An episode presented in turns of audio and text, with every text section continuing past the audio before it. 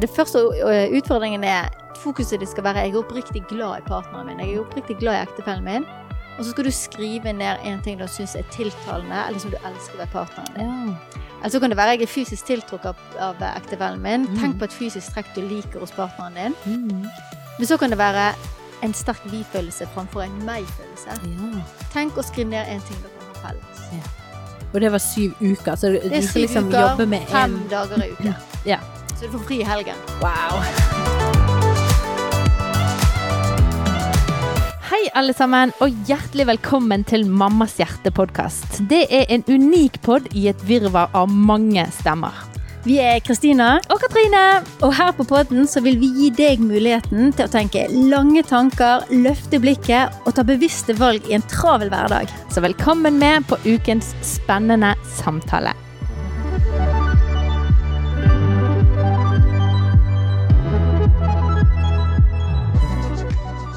Da var vi på plass. Hurra, hurra, hurra.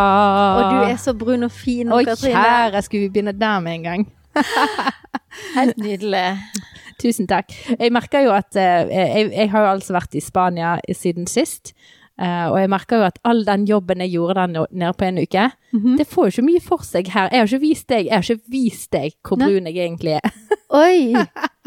Ja, men jeg får jo et godt inntrykk med ansiktet ditt. Ja. du er jo helt Jeg, Ja, men da kunne jeg jo bare sittet i solen med, med ansiktet.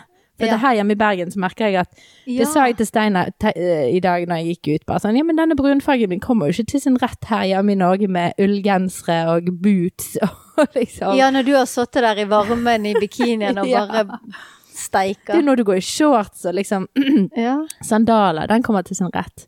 ja du Men, får henge eh, litt på ADO, da. Ja, det er nå jeg må gå på Det er nå du må gå og ta svømmekurs. Det, det var godt sagt, Kristina. Ja. Nei, men eh, vi hadde en, eh, en, en nydelig uke nede på Torrevieraen. Eller jeg sier det tydeligvis feil, da, i forhold til mine spansktalende eh, tenåringer. De tar spansk Oi. begge to på skolen, så det var jo så okay. morsomt å ha de med der nede. Og de skjønte jo tingene, altså beskjedene som kom på, på i butikkene og sånne ting. Det var veldig gøy. Ja, det er gøy. Men jeg sier jo Torrevieja. Torrevieja. Jeg sier det i hvert fall på feil måte. Men eh, vi var i hvert fall der en ukes tid, og det var nydelig. Feriefri. Jeg, jeg er jo en som lever for hverdagen, egentlig, Mm. eh, men òg sol.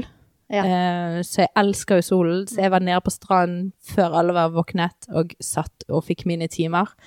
Før vi skulle begynne med familieaktivitetene som var sånn i to-tiden. da var resten av gjengen klar, liksom. Så uh, du skjønner, det blir liksom ikke etter mine preferanser en sånn tur som det der. Nei, Men så lurt av deg at du setter det ned litt på egen hånd, da. Ja, måtte det. Ja. Men så på, på, eh, med liksom varmen er jo uvant for oss som må ligge og sove med vifte på, på rommet, så vi fikk jo oss litt sånn hoste og harke og styr Ja. på veien hjem. Men det er jo bare Så nå sitter jeg og pimper sånn her Det ser veldig godt ut. ingefærshot med, med hvitløk og chili og honning og sitron. Veldig god. For bare få Kjempebra. helsen opp igjen. Nei, så det var gøy. Men du har jo hatt høstferie siden sist. Ja, ja da. Hvordan eh, har det gått hjemme i uh, kalde Noreg? Du, det, ja, det har jo vært skikkelig ruskevær. Ja. Altså, det var jo Strømmen gikk eh, to ganger i går. Ok. Ja, så da um, Og den ene gangen, uff a meg, da var vi så uheldige at eh, minstemann datt ned eh, turna litt mellom sofa og, og stol, Ok. og landa på fjeset. Å nei.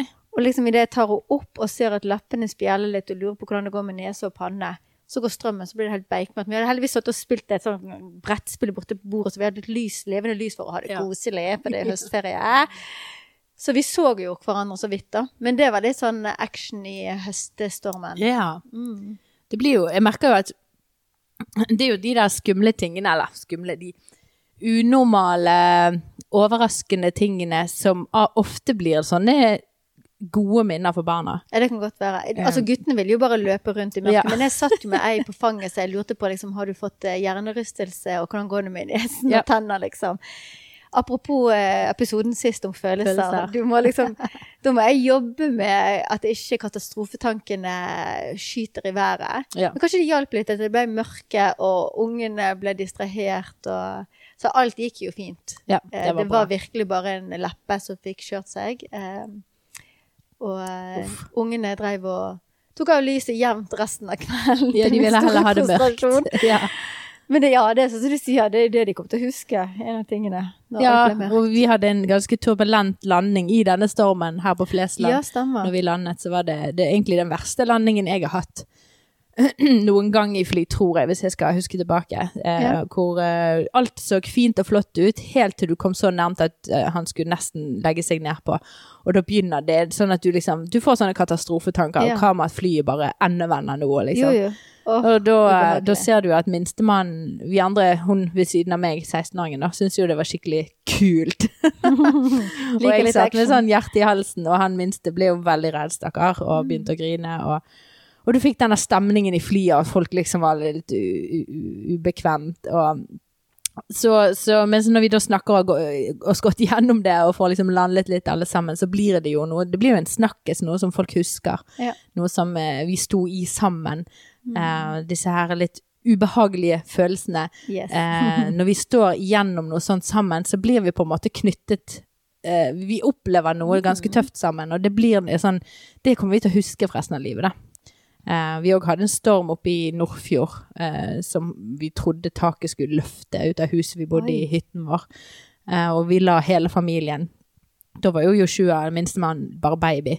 Så la vi oss alle ned på gulvet nede i stuen. Eh, så det ble jo et sånn kjempeeventyr for de minste, sant? Mm. for de var ikke redde på den måten sånn som vi voksne var redde og så for oss og visste at ting hadde skjedd der før. sant? Og Ja. vi hadde jo de bildene med oss. Så, ja.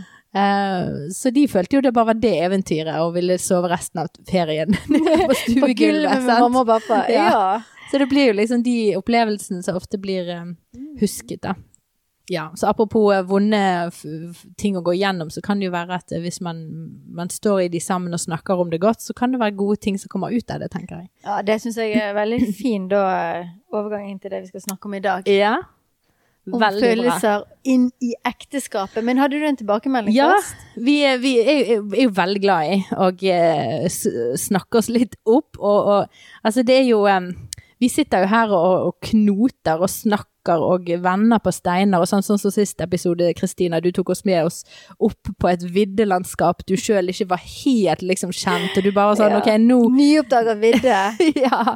Takk for turen. Så, så vi er jo litt sånn Vi bier oss jo ut på noen turer her som er litt Mm. sånn Vi, vi håper at vi, vi, eh, vi lander på gode steder, da. Og Ja. derfor betyr disse tilbakemeldingene som gjør dere det. skriver inn, så mye for oss. Og derfor har vi lyst til å løfte de opp og lese de, og dele de med alle sammen. For det betyr kjempemasse, rett og slett. Så her er det en, Før vi går videre inn i ekteskap, så har jeg bare lyst til å lese en som vi har fått her. Um, som sier 'Tusen takk for go så god undervisning i podkastene'. Det er veldig kjekt å høre. Mm. Jeg er helt imponert over den kompetansen dere har. Det er jo eh, hovedsakelig til deg, Kristina, vil jeg si. Ja. Du må ta det til deg, du òg, Katrine.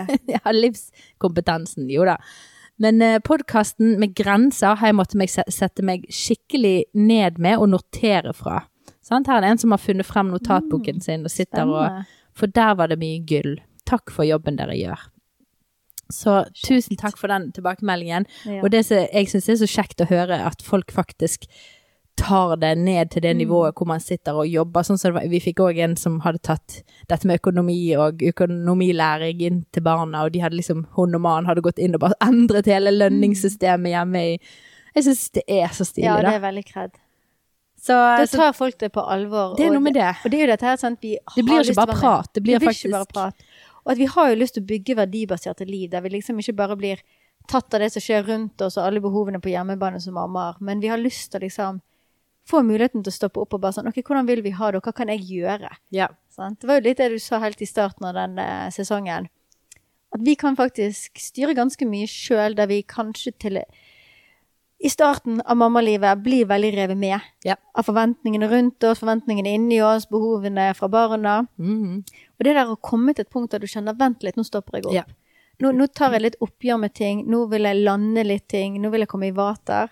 Det er jo de tingene vi har snakket om nå. Ja. Så ja, det er litt sånn heftig, det er litt krevende både å, å snakke om det eh, kort nok, det skal liksom inn i en pod, eh, men òg det å jobbe seg gjennom det. Men vet du hva, det gir virkelig avkastning. Altså, jeg syns det er kjempekjekt å høre at folk faktisk vil jobbe med det.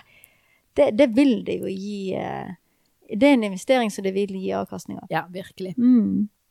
Og jeg tenker, jeg opplever jo sjøl, og det har jo jeg sagt i alle disse tre årene, snart fire årene. Når vi kommer til desember nå i år, Ja. så er det fire år vi har drevet med innspilling. Å, fantastisk. Så vi lanserte jo ikke podkasten før i februar eh, i året over, men vi begynte med innspillingen i desember. Mm.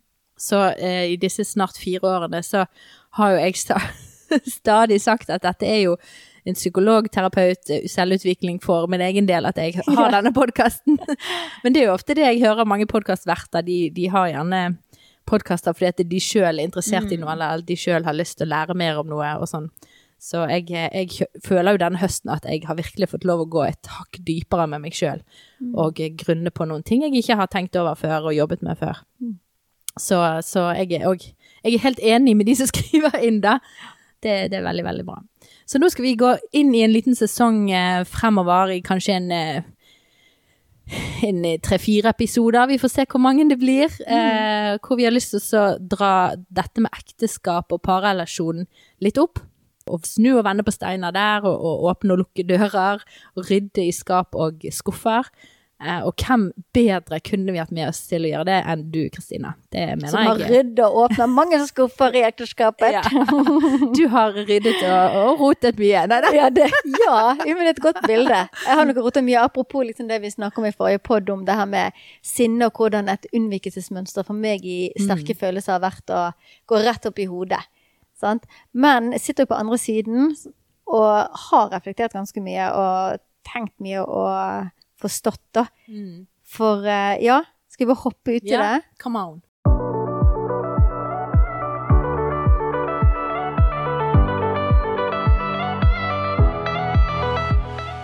Ekteskapet er jo ofte to forskjellige mennesker. Vi, vi, en matcher på en måte. Så, sant? Det kanskje en blir helt hodestupt forelska, eller en blir fascinert, eller en ser at en deler felles visjoner, og så hopper en inn i ekteskapet. Mhm. Men det er to mennesker der med mye mer enn en rekker å se som oftest før en gifter de seg. Det kan jo alltid gå fra tre måneder til eh, ti år eh, Mm. på, de, på den tiden før man går inn og tar eh, Begynner å se at liksom Oi, det ekteskapsløftet, da. Men så Ja. på en måte bare på den tiden der så får jo ikke man sett hele eh, dybden og bredden og lengden og høyden av hvem man egentlig har invitert inn, da. Nei, og så er det jo litt eh, ekteskapets natur, sant, av at da omdefinerer en jo parforholdet litt. Mm. Eh, en har jo plutselig andre forpliktelser til hverandre. Um, et annet utgangspunkt for å bygge eh, parforholdet. En blir jo en familie. Eh, og selvfølgelig, det vil komme opp ting. Og det kan jo skremme noen ganger. Fordi at det her var kanskje et vanskelig valg å ta.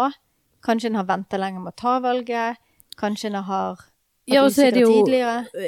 Jeg vil jo at vi skal liksom begynne litt den, inn den døren hvor veldig mange har en sånn tanke, og det her har jo Hollywood vært med å tegne opp et bilde, vi har sosiale medier som har vært med å tegne et bilde og gjør daglig av hva som er et liksom perfekt parforhold eller ekteskap. Og, og på grunn av at man er redd for at man ikke skal få til det der perfekte, eller man gjerne ikke opplever at den relasjonen man er i er så perfekt, så derfor tør man gjerne ikke satse.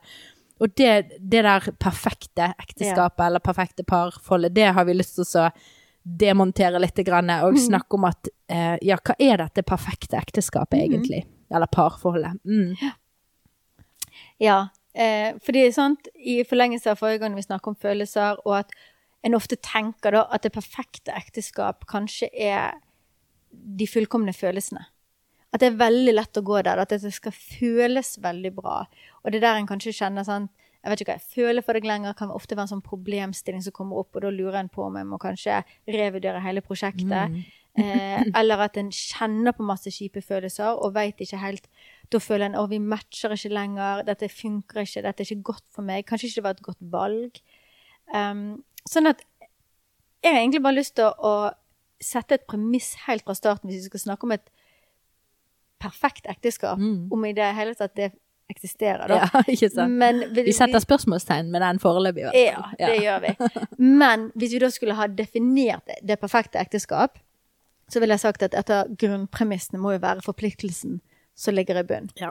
Sant? At, at hele utgangspunktet for å kunne jobbe med et ekteskap, for at det skal kunne bli eh, den beste versjonen av seg sjøl, Ja. det må jo være at forpliktelsen ligger der. At det aldri er et spørsmål om jeg Holder det? Har jeg en åpen dør? Mm. Kan jeg stole på at den andre står? Mm.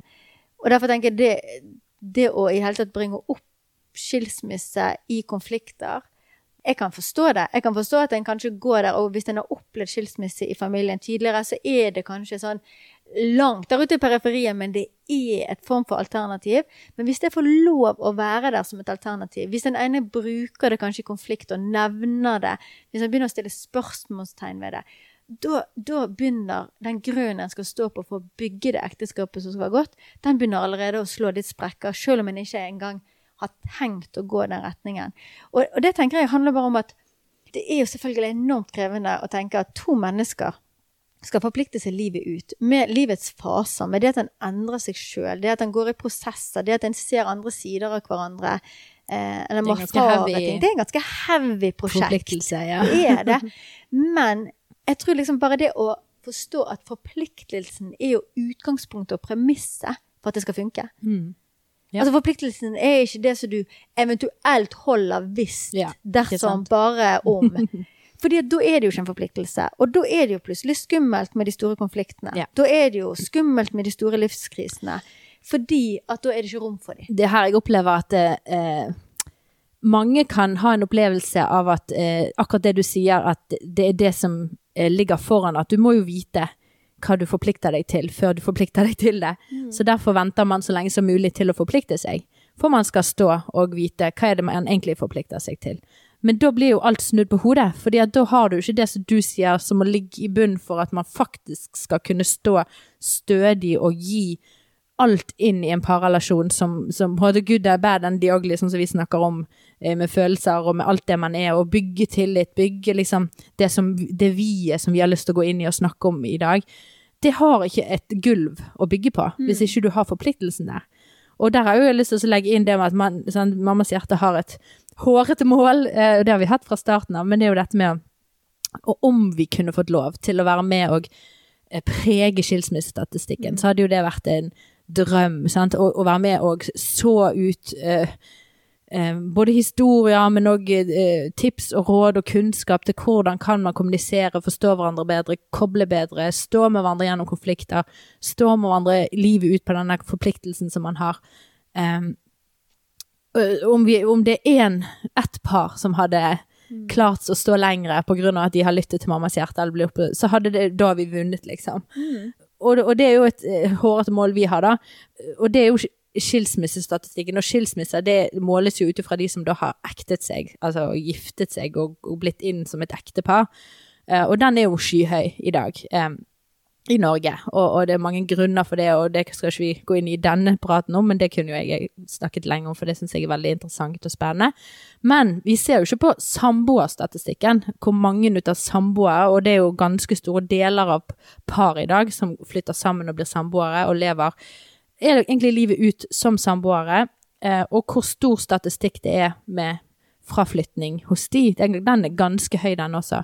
Og der har man jo ikke den forpliktelsen sånn som vi snakker om her, i bunnen av at Altså med et samboerskap så er det jo alltid en dør åpen, er min opplevelse. Jeg vet ikke med, med de som går inn i et samboerskap, der eh, man går gjerne inn med, med at du er den ene for livet ut, men når man ikke tar den siste steget med at ja, men jeg vil deg med et ekteskap, og den pakten som det er livet ut, for meg så høres det ut som at det er et ja, men jeg vil ikke gjøre det helt ennå. Jeg tror ikke på ekteskapet. Sant? Og der kan man gå ja, hva er ekteskapet, hvordan tror man, hvorfor er det noe viktig? Eh, og der er det jo mange som har forskjellig ideologi og forskjellig eh, verdenssyn på hva som er viktig og hva.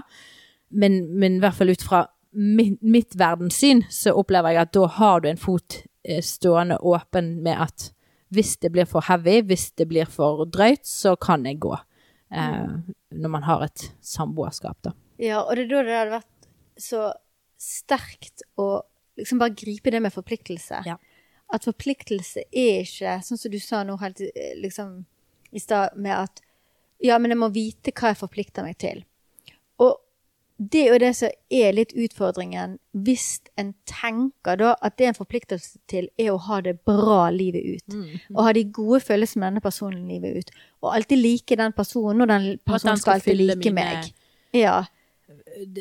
Ja, min, mitt liv, da.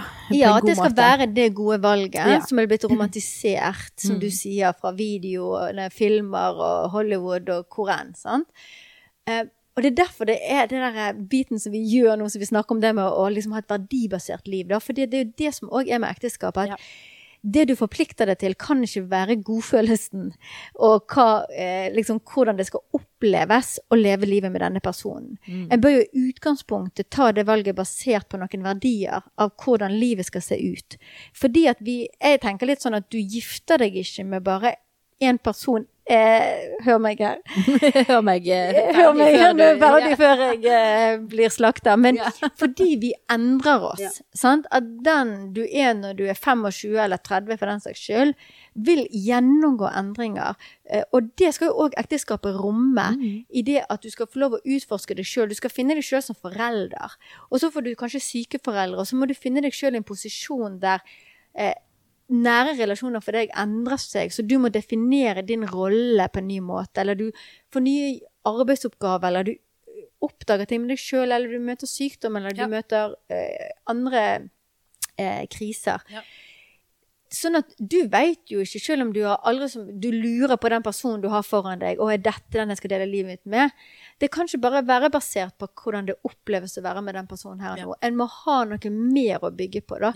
Ja. Og hvis du nå da gifta deg og tenkt sånn Ja, men det skulle jo jeg ha tenkt på. Jeg står litt stuck i en relasjon og et ekteskap her som jeg ikke helt vet hvordan skal funke. Den jobben kan fremdeles gjøre. Mhm. Altså den, den jobben kan fremdeles bygges i et ekteskap, og stoppe opp og ta den jobben og finne ut OK, hvor står vi nå, og Ja. hvorfor funker det ikke? Eh, og hva vil vi bygge fremtiden vår videre på? Altså jeg og Petter, vi har, vi har starta på nytt igjen to ganger Mm. I ekteskapet vårt. Eh, de første årene, og det kan jeg bare være ærlig på, eh, sånn at det vil kanskje folk kjenne seg igjen i, for, vår, for oss var starten virkelig tøffest, og da snakker vi over flere år. Mm. Eh, og sånn når du får, får sånn tips eh, så gå tilbake til din første kjærlighet. Altså, jeg vil helst ikke tilbake. Liksom, ikke be meg gå tilbake til hvordan det var i starten, og kan finne ba tilbake til de gode følelsene, og alt var så eh, romantisk og fint. Nei, jeg vil ikke tilbake der. Um, men vi måtte da starte Vi har gått fem år. Da husker jeg da fikk vi barnepass og satt på bryllupsdagen ute og spiste. Og så ble vi bare enige om nå starter vi på nytt. Og med å starte på nytt, det vi sa da var at vi er nødt til å la en del ting ligge. Vi har gått en vei, vi har kjempet oss gjennom krangler og konflikter. Vi har prøvd å finne ut hvem vi egentlig er i denne relasjonen, og hvem den andre egentlig er. Mm. Og nå må vi få lov å la ting litt ligge og tenke framover. Og så la vi da litt premissene for hva er det som gjør at vårt ekteskap er bra. Mm. Og da er det det som du nevner, sånn, det med å ha et sterkt vi. Det, med å, det som fikk oss til å holde fast, var at vi var jo allerede et vi. Spørsmålet var ikke skal vi ikke være oss lenger. Ja. Men vi bare sånn, hvordan skal vi holde ut med dette Ja. som vi har skapt? For det funker ikke. Ja. Men forpliktelsen lå der. Vi var der. Og så jobber vi oss videre. Og så kom vi til ti år inn i ekteskapet og måtte igjen da si nå må vi starte på nytt igjen. Men da var det med enda større skift i ekteskapet av å se nå må vi tenke utover. Nå var det en del ting som liksom Nå er vi ferdig. Nå må vi òg akseptere det vi er. Og det er òg en ting vi skal komme inn på dette her med at en, en blir ikke kvitt konflikter. Mm. Så målet i et ekteskap kan ikke være å ikke krangle og være uenig og kjenne at en blir slipt. Fordi det vil en hele tiden. Det er hvordan en bygger det. Men vi kan komme litt mer inn på det. Mm. For det jeg tenkte på når du nevnte det med å sitte i flyet, og alle ble redde, og Mm. så var dere sammen om det, og så kom dere ut på andre siden med en erfaring. Som òg du så litt sånn styrke i, og liksom, litt sånn samhold i Mm. gjengen, og kanskje til og med i flyet. Og hvis en klarer å tenke sånn om ekteskapet òg, at de gangene jeg og Petter har sagt fem år, ti år, det har, selv om det har vært tøft, og vi egentlig sitter og har kan, kanskje tenkt sånn at åh, hvordan kunne det egentlig ha vært? Mm. Sant? Var det riktig? Ja. Sant? Så det er nei. Vi lar ikke de tankene få grobunn, fordi det vi tenker er at det vi har gått igjennom, er med på å forme vi-et. Mm. Og nå er vi her, og vi er et vi. Og så er det det som du sa, sant? det kan få lov å skape et samhold hvis en tør å stå i de kjipe tingene Ja. sammen. Ikke la det komme imellom. Og det er sånn som vi må si med ektepar av og til når vi har det inn til parsamtale, at når vi snakker om tingene nå, prøv å flytte etter at ekteskapet og de, de utfordringene de har lyst til å si, men han, men Mm. hun. Tenk heller, parforholdet har en utfordring. hvordan løser dere to det sammen, istedenfor at det er en kamp imellom, da? Det er oss imot denne tingen som er vanskelig for oss. Ja. Eh, og det, det har vi òg Jeg syns det er utrolig inspirerende med at dere har stoppet sånn helt konkret opp og liksom begynt litt på nytt igjen. Mm. Og at det er noe som eh, Vi har ikke gjort det sånn konkret på den måten, men, men ehm, men hvor inspirerende det kan være å liksom faktisk sette en strek for noe som har vært. For dette, det kan ha vært utrolig mye vondt og sårt, og Mm. vi enes aldri på dette. Sant? Og bare la det ligge også i, liksom, i møte med hverandre, i møte med, med, med anerkjennelse, respekt og kjærlighet. Så bare liksom Nå setter vi strek over det, nå begynner vi å se fremover. Hva er godt? Hva, hva, hva kan vi ta med oss videre? Jeg tror det var en kjempegod Ja. jeg, jeg har lyst til bare liksom løfte det opp som en, et godt råd, da. Mm. Hvis det er noe som vi bare liksom, du merker at Og gjerne få, få noen inn i den prosessen og hjelpe, da, til, ja, å, til å, Mm. å sette strek over noe som For det er, det er noen ting så vil man jo egentlig aldri Mm. komme til en enighet. Eh, Mm. Fordi at man er så forskjellige, og man har så forskjellige behov eller forskjellige perspektiv på en ting. Ja. Og av og til så må det faktisk bare settes en strek og så si hvordan ser kompromisset på dette ut, og Ja. videre, da.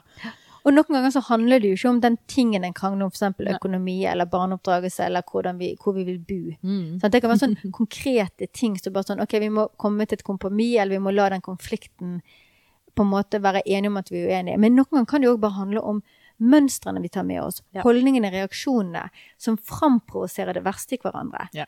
Sant? Og det er kanskje også litt det der at vi kan ikke la dette definere oss lenger. fordi at jeg tror hvis du står i en krangel, og dette kan vi snakke mer om, sant? ulike konfliktmønstre som framprovoserer de verste sidene i oss, og da tenker vi um, dette er ikke bra for meg å være i dette parforholdet, istedenfor at vi kan forstå hvordan vi kan håndtere konflikten da uten nødvendigvis å bli framprovosert det verste ja, de verste sidene, Mm. de verste holdningene, og vi bygger opp en forakt mot hverandre. Eh, en liksom begynner å gå i et mønster der en kjenner at en aldri blir sett, og så sitter han da på hver sin tur og tar ja, men hva med meg her? Ja. Du skal alltid, vi kan aldri. Mm. Og det er der, kanskje det der med at vi òg sier nå begynner vi på nytt, er det at selvfølgelig noen av de som jeg sier, noen av de konfliktene vil vi jo ta med oss videre, at det vil være et mønster hos oss, eller her vil vi aldri bli helt enige eller tenke likt.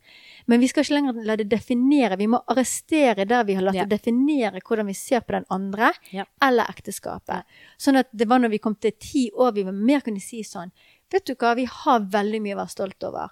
Dette vi-et vårt, det er vårt vi. Og det tror jeg òg er en, en måte å få et perfekt, i gåseøyne, ekteskap, er det.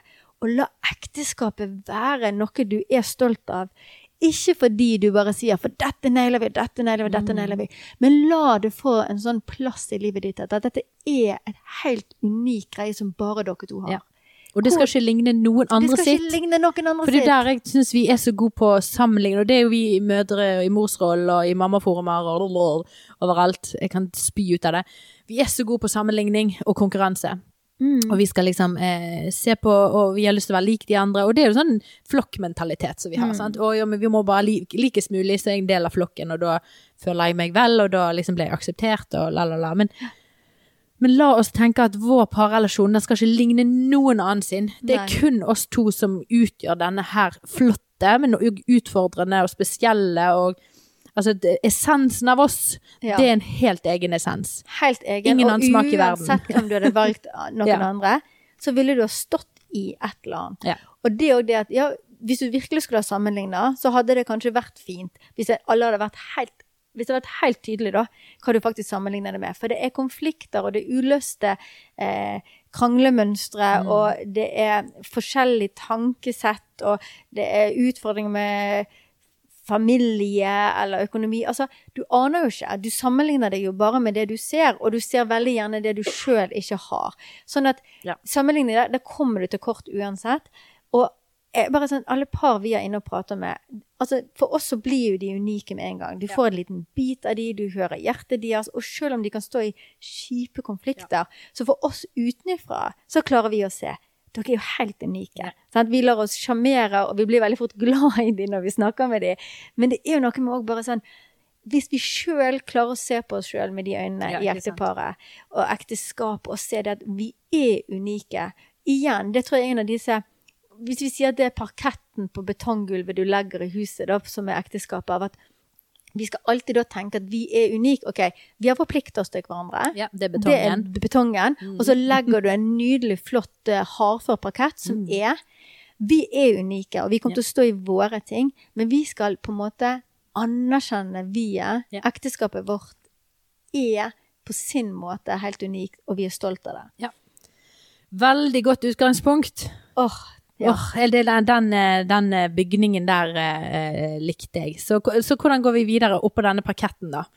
ja, og det skal jo bygges mye. Det skal bygges mye oppå der, eh, og danses mye. Jeg, Ja, eh, danses, det er et veldig fint bilde. Jeg jeg liker jo eh, det med dans, men det kan vi komme litt mer inn i. Men eh, hvor vil du gå nå i forhold til at et perfekt, som vi ikke har lyst til å si, Mm. eh, parforhold, ekteskap, eh, skal romme den du er som person. Og Mm. det er jo så unikt. Eh, I alle ekteskap så er eh, man Alle mennesker er jo så unike. Og eh, opplever du Jeg har lyst til å bare gi ut et spørsmål til deg som lytter på. Opplever du at ditt ekteskap rommer deg som menneske? Mm. Eh, og at du tør å være med hele deg inn i det. Og så kan du eventuelt skrive ja, men hvorfor, eller hvis du da sitter og skriver. Jeg bare ser for meg at eh, på grunn av den tilbakemeldingen, Ja. så ser jeg for meg alle lyttere Alle sitter og sitter nå med skriver. papir og pen. Men du sitter sikkert i bilen eller på bussen eller eh, tar oppvasken. Men, men eh, hvis du opplever at du ikke klarer å gi hele deg inn i ekteskapet, er det noe, skriv ned hvilke områder som du føler du ikke får eh, bli rommet, og hvorfor da. Jeg syns det hadde vært interessant, Ja. bare å ta en sånn refleksjon sjøl. Mm. Hvorfor, hvorfor tør du ikke, eller hvorfor Mm. er det det at du ikke stoler på at han vil bære det på relasjonen, eller opplever du at det, det, det blir for mye? Sant? Jeg, oss med mye temperament og mye følelser Mm. kan ofte oppleve at jeg blir for mye. Jeg blir for mye å romme, da. Men opplever du at du kan virkelig lene deg med hele deg inn i en, denne dansen som vi skal nå snakke om, vie? Ja. ja. Mm. ja, det er en god øvelse. Tenk litt over det. Ja. For nå har du et godt Hvis, vi, hvis man har dette Hvis på plass hvis du har den Forpliktelsen på, på på plass, plass. så skal det kunne romme. parka- parketten som er at eh, vi er unike, vi skal ikke sammenligne oss. At du som menneske er unik, du bærer med måte din historie, dine verdier, din eh, person. Og da kan du stå på den parketten fullt ut, liksom. Rett opp og ned. Naken. Altså, om Ja. man så kan se for seg naken, for det, man skal jo være ganske sårbar Mm. med sin ektefelle. Ganske, du skal være veldig sårbar. Ja. Ja. Eh, tør du det? Være helt naken.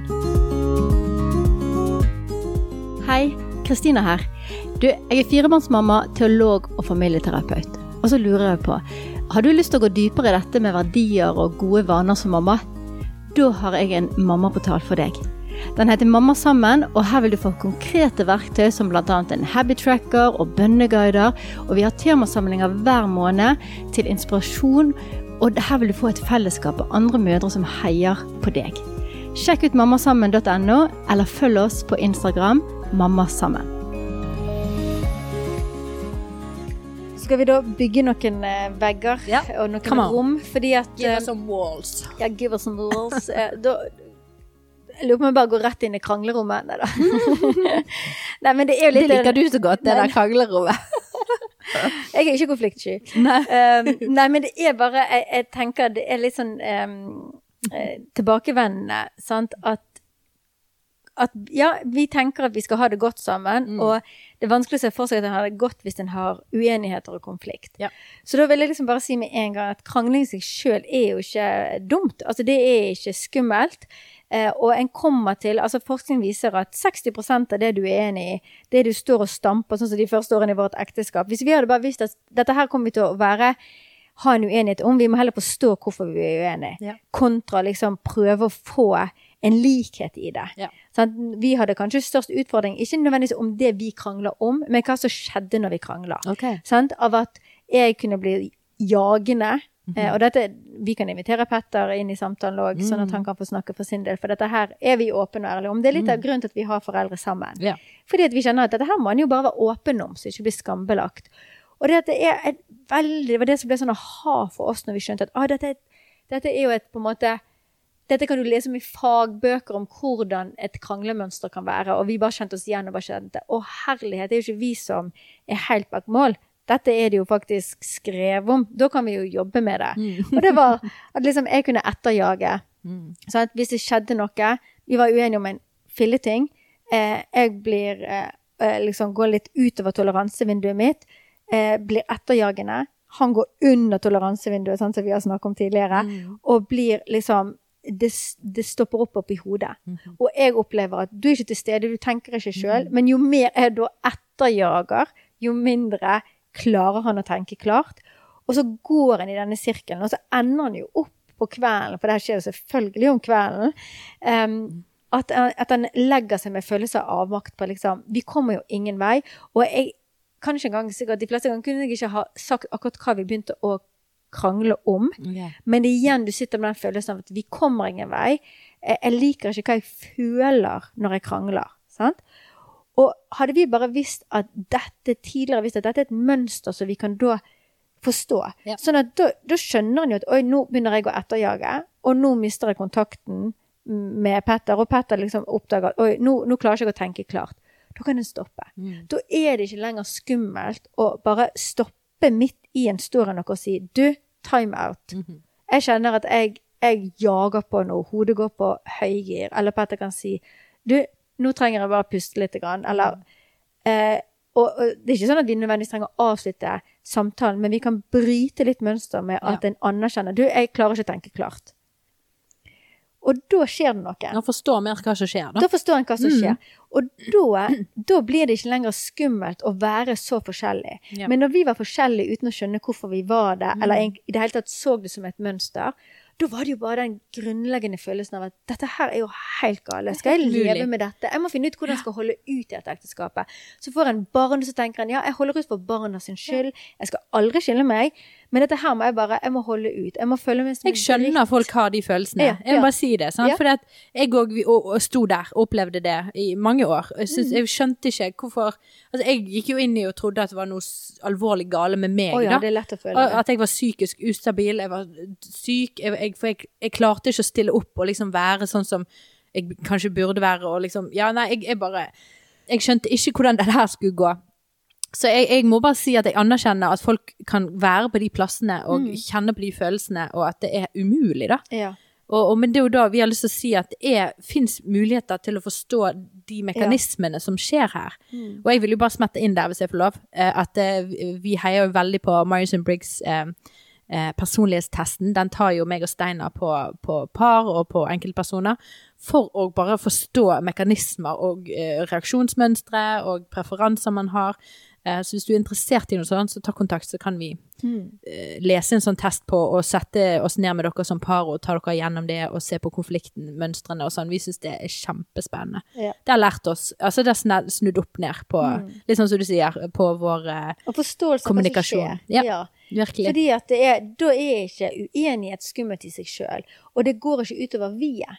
For da skjønner han at i dette vi-et, Ja. på denne parketten, så danser vi en dans noen ganger som bare er så i utakt. Ja. Men vi eier det som en del av Det er vår utfordring. Og det vipper oss ikke lenger av pinnen, Ja. da.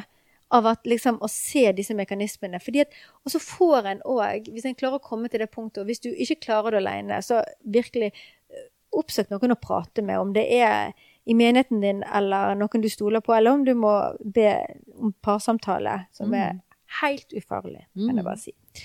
Så er det det å liksom bare em, eh, liksom prøve å forstå den andre, fordi at da får en en raushet òg til seg sjøl. Ja. Det var sånn som du sier, når du sitter og føler liksom Hva er galt med meg? Mm. Hvorfor kommer jeg hit? Dette her er ikke sunt. Dette Ja. kan ikke være et bra ekteskap. Mm. Men så kan du få liksom en raushet til Jo, det er naturlig mekanisme i meg, og det kunne vi snakka mye mer om hvorfor det blir sånn. Det er naturlig mekanisme i meg som blir framprovosert av den naturlige mekanismen hos min ektefelle. Og det er rart hvor ofte det er faktisk motpoler i ekteskapet, Mm. ikke sant? Han tiltrekkes of, ofte av det ja, motsatte. det er jo et eller annet Ja. der.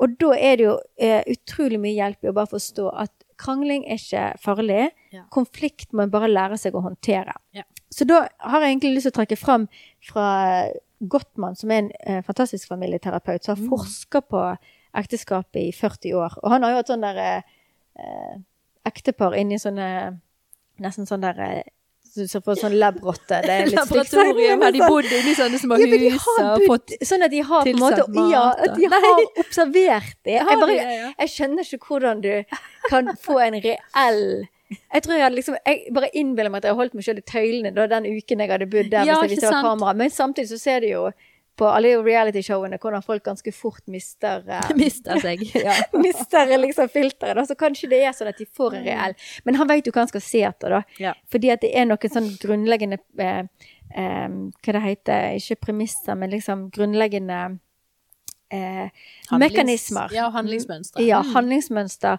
som han ser etter på hvordan en prater til hverandre, hvordan en møter hverandre. Og det er jo de tingene en kan ta litt ved roten, sånn som når vi da sier vi starter på nytt igjen. Ja. Da er det liksom å bryte noen mekanismer og si at vi må ha større forståelse. Så jeg har bare lyst til å trekke fram fire eh, måter da å håndtere konflikter. Ja. Um, og det er bare helt på overflaten.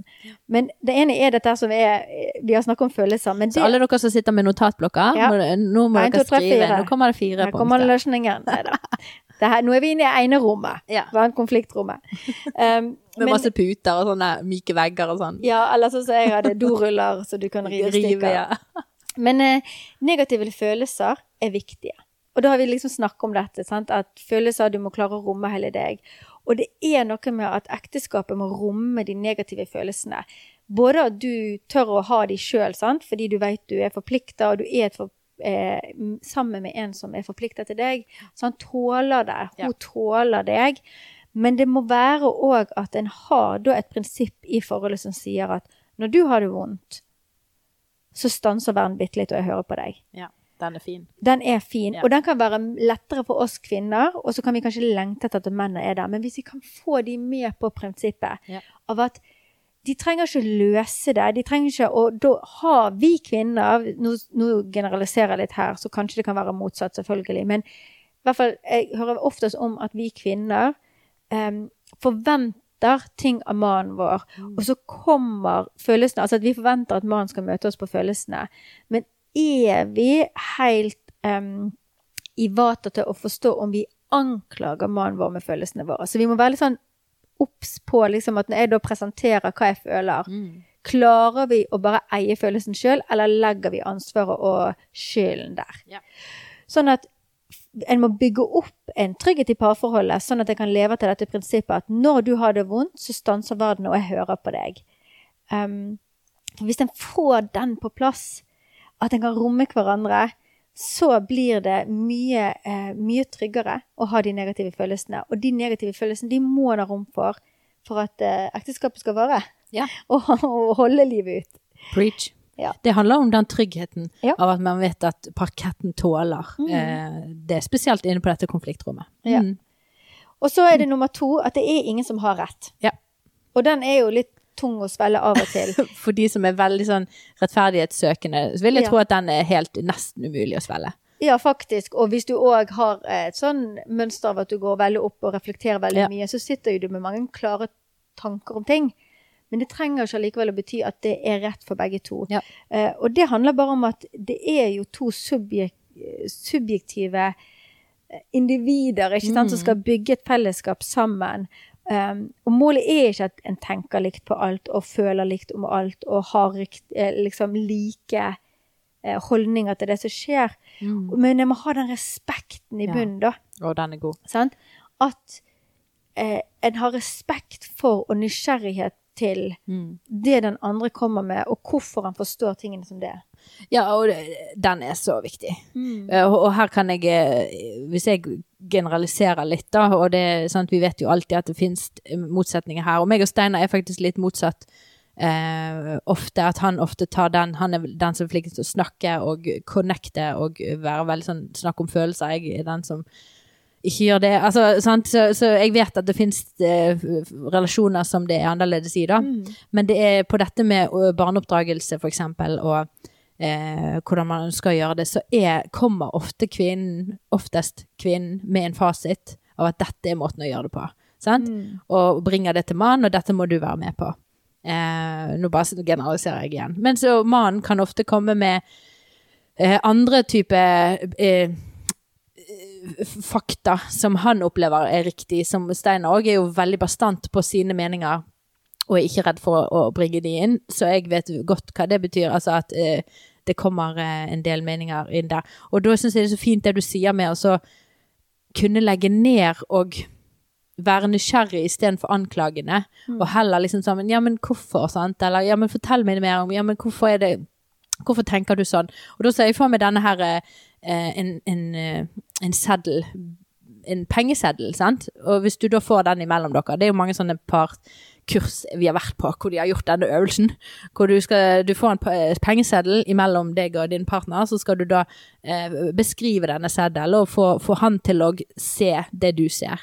Men så ser han jo en helt annen Det er samme seddel, det er Ja, samme nettopp. situasjon, du Mm. står i samme Du ser på samme problem, la oss si det er et problem, eh, men så er det to helt forskjellige bilder på hver side, sant?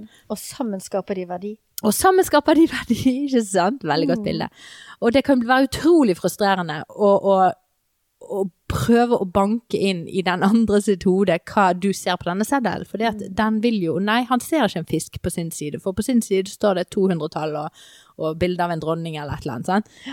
Så, men heller liksom være nysgjerrig, som du sier. Se, og det er en sånn, et valg vi kan ta på innsiden. da. Vi kan switche om, og så kan vi istedenfor å være anklagende si at du, du, du, du skjønner ingenting, og du forstår meg ikke. Du, eh, du ser ikke det som jeg ser, og du har ikke lest de bøkene jeg har lest, eller et eller annet. Så kan man heller snu det om til å være en nysgjerrig, utforskende. Ja, men hvorfor ser du det, og hva er det du har sett, og hvor kommer det ifra? Og, og heller være Jeg syns det er en kjempenyttig switch å kunne vite om at vi har det. Ja. Og det blir igjen sånn at en bygger jo ekteskapet på det. Det er en del av det vi-et, da. Ja. Sånn, Av at en, en putter inn i vi-et anerkjennelsen av vi er unike. Ja. Og har hver våre tanker om ting. Og ja, det er ingen som har rett. Ja. Og da går en litt over til det punktet nummer tre, fordi at da, det sier han at anerkjennelse er livsviktig. Og at det er nærmest umulig å ta imot råd hvis ikke du har følelse av at den andre forstår, respekterer og aksepterer deg som den du er. Så det blir jo sånn premiss som må ligge i bunnen. Sant? Av at for å kunne håndtere en konflikt Og da mener vi jo ikke alltid å løse den, sånn at vi står på andre siden og en har fått sin vilje, eller begge to tenker likt. Ja. Men det å håndtere den, det å stå i den, da trenger en å jobbe med anerkjennelse av den andre, og at en har At den andre får følelsen av at en prøver å forstå, sånn som du sier, at en har en eh, grunnleggende respekt og en aksept for den andre personen. Ja. For det er òg den tingen som kan komme inn ganske tidlig i ekteskapet, når du begynner å skjønne å, er du sånn? Og så begynner du å Du møte rar. Eh, Ja, så begynner du å møte liksom eh, tradisjoner. Ja. For plutselig skal feire jul sammen, og så får en unger som skal begynne å oppdra. Og så bare sånn Hæ? Er du sånn? Mhm. Og hvis en klarer i utgangspunktet å hele tiden jobbe med Mm. å ha en aksept for den andre personen, ha en grunnleggende respekt, og så kan en jobbe da med å komme fra respekt og si Du, når jeg ser deg gjøre det, da stiller jeg spørsmålstegn ved dette. Eller for meg så oppleves det du gjør, som at resultatet blir dette. Sant, I oppdragelse. Så det å møte med respekt betyr ikke sånn OK, da kjører du din oppdragelsesstil, og jeg min. Noen ganger så må vi senke skuldrene og tenke det er greit. Pappa er sånn, mamma er sånn. Men hvis du trenger å komme til en enighet, sant da, liksom ha den respekten at du presenterer Jeg ønsker dette resultatet. Mm. Jeg ønsker at ungene mine skal oppføre seg sånn på grunn av dette. Jeg ønsker at vi skal ha denne verdien fordi jeg tror dette er hvor de skal, hva de skal ta med seg når de flytter ut. Liksom, Istedenfor at det blir en sånn åh, når du gjør sånn, så blir jeg så provosert. Mm. For det, det er bare din emosjonelle reaksjon på at kanskje han gjør noe som er stikk motsatt av det din far gjorde, eller at han reagerer på at du nå ligner du altfor mye på min mor, og jeg kunne ikke fordra når hun gjorde det sånn. Mm. Men å faktisk gå ut av den emosjonelle, personlige tilnærming til tingene da, og tenke ok, jeg har aksept og respekt for deg, men vi må trenge å bli enige her, eller i hvert fall forstå hverandre hvorfor vi velger det vi velger. Ja. Og, og, og selv om man gjerne har det samme målet der fremme, som Mm. at på en måte vi har lyst til å utruste våre barn til å stå robust i en, en tøff verden, sant? så har vi jo veldig forskjellige tilnærmingsmåter Ja. til det målet, og det må man òg respektere. Ja. At, at eh, den veien òg kan se annerledes ut, eh, så lenge vi har snakket om hvor vi vil henne. Ja, og det blir òg den forpliktelsen, tenker jeg, at det er ikke bare det om en er redd for at den andre skal stikke eller gi opp, men at vi tenker òg denne, i, på denne store parketten, for vi, vi snakker stor enebolig her, Ja. eh, så er det rom for forskjellige måter, sånn som den pengeseddelen er jo et veldig godt bilde, at den har jo verdi i kraft av å være, ha to ulike sider òg, at noen ganger så er det en egenverdi i at eh, mor og far Ja. har forskjellige utgangspunkt og det det. tanker. Men hvis en da kan sammen i ekteskap, Ja. ikke for en i situasjon, men sammen som ektepar, Ja. snakke om, Sånn at en anerkjenner verdien og sier ah, du ser det, jeg ser det, dette er en 200-lapp. Så liksom kan en liksom løfte fram ok, hva blir verdien da når du velger å være litt røff her, og jeg ønsker å favne. Ja. Hvordan kan vi være et team? Sånn at jeg favner, og du er røff, og så alltid anerkjenner vi hverandre. Og vi er alltid på vei til samme mål. Ja. Å, det er så bra! Ja, det, det, og husk, nå, snakker vi idealer. Eh, jeg, vi vi lever det ikke etter dette, Nei. men vi har det jo som en del av Verdiene. verdiene. Og liksom, ja, disse her eh, Egentlig disse Og hva er det heter da? Når du bygger en vegg, så har du Grunnpilarer, eller ja, sant, I hovedbjelker. veggen så er det jo disse ja, bjelkene, ikke sant? Ja, det har et navn Men jeg, jeg jeg syns jo òg at dette For det, man kunne gått ned i så mye detaljer, og jeg er Ja jo da. egentlig en detaljperson. Du er jo egentlig en veldig sånn overordnet, ser Yes. eh, det lange løp-person. Mm. Eh, som jeg kunne jo alltid dratt det ned i sånn konkret Ja, men hva gjør man da med den situasjonen? Men her er, har jeg faktisk lært meg å koble med, med den motsetningen, for det er Stein òg en veldig sånn eh, overordnet person, at det handler så utrolig lite om konfliktområdene, eller selve problemene, Ja. eller selve tingene vi står midt oppi. Da. Det, det eh, Det er det overordnede det er det overordnede. det. Hvis vi klarer, og det er jo der vi det er, jeg prøver nå å levere ut et poeng som vi har en to timers undervisning på. Det er dette med denne enheten og vi-et. Eh, hvis vi jobber La oss si jeg brenner sånn for dette med at vi som mødre vi kan spille et soloshow inn i hele det tredje skiftet, inn i, inn i um, oppdragelse av våre barn som skal stå robuste når de er sant, lalalala. Men hva med at vi trekker oss litt tilbake og bruker 80% Jeg er så frimodig, fordi jeg er sjøl en sånn person som lett kan ta eh, å gå ut og, og utslette meg sjøl og spille et soloshow når det kommer til oppdragelse. Jeg, jeg hadde veldig mye store tanker og, og, voldsomme planer for hvordan jeg skulle gjøre hverdagen og romme alt mulig. Men jeg har måttet nødt til å gå noen enorme runder med meg sjøl. Og hvor, eh, hvor jeg har forstått at hvis jeg bruker 80% av min kapasitet, eller min jeg vet ikke hva du skal kalle det for, min tid, eller min, mitt fokus, kan det Ja. kanskje et godt ord. Hvis jeg bruker 80% av mitt fokus på denne enheten, på å koble med min partner, på, på å liksom finne ut ja, men hva er verdien, hva er det der målet vi har lyst til å nå?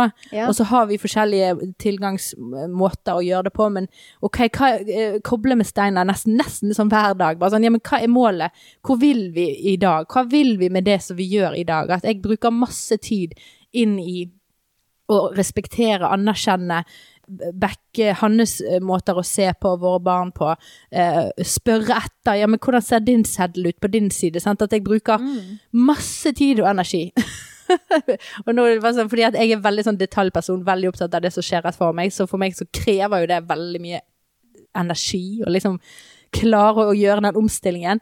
Men hvis jeg klarer det, så vil disse her detaljene, de vil liksom gå så mye lettere av seg sjøl. Det er jo det jeg har oppdaget, da. Eh, og, og, og hvordan Hvis den enheten kan stå sterkt i møte med alle disse små en, eh, enkeltsituasjonene, så løser det seg. Og jeg kan få lov å, dundre på med mine måter og, og eh, gjøre det som jeg hadde tenkt, på en måte. Men jeg står backet. Jeg står i en, i en pardans med en som støtter meg, og som styrker meg, og som, som er der der som jeg ikke klarer å være. Jeg merker at den enheten utgjør en enorm forskjell Ja. i møte med alle disse små detaljene og planene som jeg har, da. Ja, kjempebra innspill. Eh, så, ja. så jeg vil oppfordre Hvordan ser det ut for deg eh, som mor og som kvinne og som kone, da? Å gi liksom 80 av ditt fokus til å jobbe med den vi-et eh, som vi er inne på her nå, sant? Og, og, Mm. og ikke være så For vi blir så oppslukt. Og jeg har skrevet innlegg og stykker og, og og ja, jeg kan komme med selvbiografi. Vi gir så mye av oss sjøl inn i detaljene. Inn i hvordan skal matboksen se ut? Hvordan skal jeg få barnet mitt til å trives i der og der? Ja, men du, slipp det lite grann, og fokuser på enheten, du og din mann. Så vil det der løse seg av seg sjøl. Det er i hvert fall det jeg ser og opplever, og erfarer i mitt liv, da. Ja, kjempespennende. Ja. og bare den Jeg skal ikke undervurdere hva som skjer i ekteskapet hvis anerkjennelsen er på plass på begge sider. Sant? Og vi har en unik mulighet, vi kvinner, i ekteskapet til å anerkjenne menn. Og den, den tror jeg um, Og det er så viktig for barna å se at og det å heie fram sånn, bring out the champion. Sant? Yeah. Heie fram de gode kvalitetene. Uh, fordi at vi kan bli så frustrerte. fordi jeg vil tro at flesteparten av dere som hører på oss, er nok kanskje de som først og fremst ser og tenker og vil prate. Og det er kanskje ikke alltid like lett å få mannen med. Og så kan det være motsatt òg, for all del. Eh, men jeg bare tror liksom Istedenfor å anmase og få med på OK, la oss sette oss ned og ha en verdikveld, liksom, der vi skal snakke gjennom alt. Kan du begynne med å anerkjenne ting i mannen din? Løfte fram det du vil se mer av. Sette ord på de tingene når du ser det. For det er noe helt unikt i å få lov Hvis dere trenger å gå inn i en prosess nå der dere må begynne å sette litt mer ord på ting, ikke start med samtalen, kanskje. Ja. Start nå med å eh, gjødsle plenen, da. Yes. Ikke sant? Ved å gi liksom mannen din anerkjennende ord for det han gjør. Ja. Anerkjenne når du ser. Se etter de tingene han gjør, da. Som er så unik som du kan kjenne. Jeg er stolt av at det er han som er far til mine barn. Jeg er så stolt av å være teammann. Jeg har aldri tenkt over hvor heldig jeg er at du har disse egenskapene. Ja. Og så løft det fram. Altså, det er jo helt utrolig hvor mange menn som bare vil bli rakere i ryggen i løpet av et par uker med Ja. skryt, liksom. Ja. Så da kommer vi faktisk inn på det fjerde punktet som han løfter Ja. fram her, Gottmann, når vi skal håndtere konflikt. Det er akkurat det å legge vekt på hengivenhet og beundring. Ja. Og liksom ikke ta det for gitt, for det er faktisk en vane du må inn i ekteskapet ditt når det skal vare livet ut. Fordi vi kan henge oss opp i de tingene som skaper reaksjoner i oss. Der og da, følelser, konflikter, utfordringer. Det å holde på beundring, det er faktisk en vanesak. For det handler om vaner i hodet ditt. Hva du velger å tenke om mannen. For vi kan ta så fort for gitt. Og det her gjelder mann òg, men nå tror jeg det er flest kvinner som hører på. da. Men det å liksom ikke ta for gitt de gode tingene, um, og at en på en måte øver seg på uh, å, å se etter styrkene. Ja. Uh, fordi jeg tror etter hvert da, hvis en fyller opp den der kvoten og bufferen Ja. av å se styrker og gode kvaliteter, så kan en møte de kjipe tingene eh, med litt større raushet. Ja. Og hvis man òg har styrket Jeg tenker jo veldig på det at eh, eh, hvis man opplever seg sett, anerkjent, og det eh, Hvis vi får med Steinar og Petter på en episode snart, det kommer vi nok til å gjøre nå i disse pratene om ekteskapet, så vet jeg Steinar har mye innabords på det der hvor viktig eh, det er for mannen. Det er bare en sånn eh, iboende eh, grunnleggende behov som en mann har, akkurat som vi kvinner har ileggende grunnleggende behov for mange ting, så har de et behov for å bli anerkjent. Um, og hvis ikke de blir det hjemme, så går de et annet sted og, og blir det. Og, og la oss kvinner være de beste til å skryte av våre menn, løfte de opp, eh, se det gode i de, trekke ut gullet, istedenfor å hele tiden se, som du sier, sant? At, eh, at reaksjoner, frustrasjon over de der sokkene som har ligget på gulvet siden sist uke, liksom. Eh, drit nå i det, da. Eh, Finn gullet, vær med og trekk frem gullet. Det er ofte lettest i begynnelsen, kanskje. Ja. Og så når man blir slitnere, når man får flere behov som skriker rundt seg, og man kjenner på flere behov i seg sjøl som gjerne ikke har blitt møtt på lenge, så, så er det vanskelig. Men, men jeg tror at trenden vil snu med at vi klarer å, å løfte frem gullet i Ja. eh, Først og fremst at vi må gå i oss sjøl og finne det hos vår mann. Så vil vi se at det regner over på oss. Ja, Med at våre behov kan bli møtt med at de der samtaler vi ofte har behov for å ha, Mm. de kan inneha rom og sted. Så det er en kjempeviktig plass å begynne. Ja, og det er jo, sant, I Bibelen så står det at mannen skal elske sin kone, og så trekkes det frem at konen skal respektere sin mann. Sant? Det er egentlig det det står. Og det kan føles litt sånn motstridende at det er forskjellig, men alt for det første handler om at en skal elske og respektere hverandre begge to. Men at det blir vektlagt på den måten, tror jeg handler litt om at når mannen ikke opplever å føle seg respektert og anerkjent, så er det vanskelig for han å vise kjærlighet på Ja. en måte så konen kjenner 'jeg føler meg elska'. Og når hun ikke føler seg elska, når hun ikke føler seg sett og, og fanger opp og ivaretatt, så blir atferden hennes veldig fort noe som virker respektløst mot Ja. mannen. Da blir vi anklagende, da blir vi kritiserende. Så at det går i en sånn kjip loop, da. Ja. Og det er bare sånn med alle relasjonelle looper som vi har. Det skal bare litt endring til, og så endrer det seg litt. Altså Se for deg en sirkel, og så åpner du opp litt. Ja. Da har det skjedd noe i den sirkelen. Sånn at du kan gjøre små valg som kan skape stor endring etter hvert. Og det er det vi må tørre noen ganger. For det, og ikke se på det som et krav. Se på det som at nå gjødsler du din plen. Ja. Sant? Ved at du prøver å trekke fram og se og anerkjenne og det at mannen kan kjenne at jeg er respektert på hjemmebane. Og det er ordspråkene 31 eh, om den, liksom, den dyktige kone. Det er jo for det første et råd til en mann om hva han bør se etter. Bare sånn, det er ikke bare en liste over krav til oss, men det er hva han skal se etter. Men da er det dette med at, at han ikke skal han skal, hun, skal han skal vite og stole på i sitt hjerte. Mm. Sant? Han, skal, han skal stole på sin kone av sitt hjerte. Og det tenker jeg handler om at han kan stole på av hjertet, sitt indre liv, fordi han opplever at hun ser meg. Hun Ja. ser styrkene mine når jeg er svak.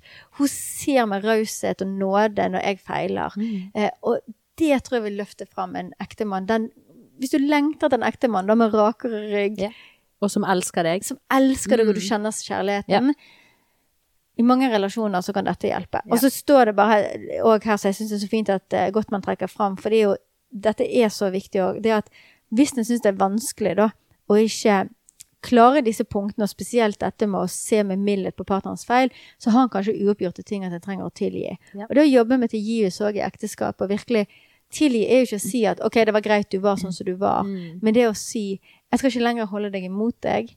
Jeg ønsker at vi skal starte på nytt. Jeg ønsker at vi skal prøve noe på nytt igjen. Mm. Og bringe nåde inn i ekteskapet. Ja, så bra. Og vi skal faktisk ha med Katrine og Arve Valde Ja. eh, i en egen episode hvor vi snakker om tillitsbrudd og Mm. tilgivelse. Så, og det, det kommer er jo det, det kommer til å bli råsterkt. For det er viktig, altså. Det med å kunne nå ting For vi feiler skikkelig. Vi tråkker skikkelig skeis, eh, Mm. alle sammen, eh, innimellom. Og da må vi kunne kunsten av å, å bygge opp igjen tillit, og, bygge, og, og tilnærme oss med tilgivelse, og ja. Lett eh, slippe hverandre. Slippe taket i bitterhet og, og, og i mistillit. Så, det, det er for det er utrolig vanskelig når noe har gått skikkelig, skikkelig galt. Ja. Yes. Og så vil jeg jo til slutt eh, bare å legge inn denne Vi må liksom eh, alltid si det, for dette, vi, vi, vi snakker jo om dette som at dette er inn i generelle ekteskap. Eh, vi vet jo at det fins ekteskap hvor, eh, som er fryktelig usunne, hvor det, hvor det begår både fysisk og psykisk eh, vold, og det er sykdom inne i bildet som gjør at den ene part ikke kan jobbe med ting sånn som den skal. Mm. Um, vi rommer det, og vi snakker om det i egne episoder, uh, men vi må liksom på en måte alltid nevne det når vi snakker så tydelig om noe. At, det, Mm. at dette er i hovedsak uh, til par som, Mm. som, som, som alt i ett fungerer eh, i det normale Ja. vindu, da. Eller hva som er normalt. Jeg vet ikke hva som er normalt, normalt lenger. For vi alle har våre twerker, liksom. Og, Men jeg bare ja. tenker at når du får utfordringene våre nå, sant, om å vise hengivenhet og beundring og tåle den andre Ja. Hvis du kjenner at ja, men det utsletter meg, Ja. altså det er der jeg står hele tiden når jeg er utsletta, ta kontakt og prat med noen. Sant? Og få sortert litt hvis du kjenner at jeg ønsker alt dette, men jeg aner ikke hvordan, og du har en ektefelle som du ikke kan kommunisere det godt sammen med. Ja. Så bare ikke vær redd for å søke hjelp. Det er det bør være så lav terskel på å snakke med noen om ekteskapet vårt. Ja. Fordi at det, det har så mye å si. Å ha et annet sett med øyne og ører inn i en eh, relasjon som er så viktig, det er bare fint. Og der tilbyr du samtaler, blant annet. Mm. Og de kan kontakte deg. Mm. Hvor kontakter de deg? Da er det lettest egentlig foreldresammen.no eller Foreldresammen på Instagram. Ja. Mm. Så bra. Um, du hadde jo til slutt, hvis vi skal gå til en avrunding, da, Ja. eh, så hadde jo du eh, Du har laget en eh, på, på Foreldre sammen Ja. en liten sånn eh, På Instagram så har vi tidligere lekse, hatt en sånn Eller en liten opp, ja. oppgave til deg som lytter, så du ja, kan gå hvis inn du og er kikke på på. Instagram, så Ja. kan du gå på Foreldre sammen, og der har vi under sånne høydepunkter en, et høydepunkt som heter utfordring. Mm. Der har vi hatt en sånn syv ukers ut ifra denne boken. Ja. Og dette er da John Gottmann sin Hemmeligheten bak et lykkelig parforhold. Er Han bruker ordet lykkelig. Ja, han bruker faktisk det.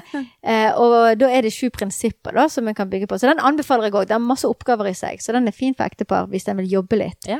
Eh, men hvis ikke, så er det litt enklere utgave på eh, høydepunkter inne hos oss. Syv uker med at du skal øke beundringen og hengivenheten, hengivenheten til partneren din. Ektefellen din. Gull.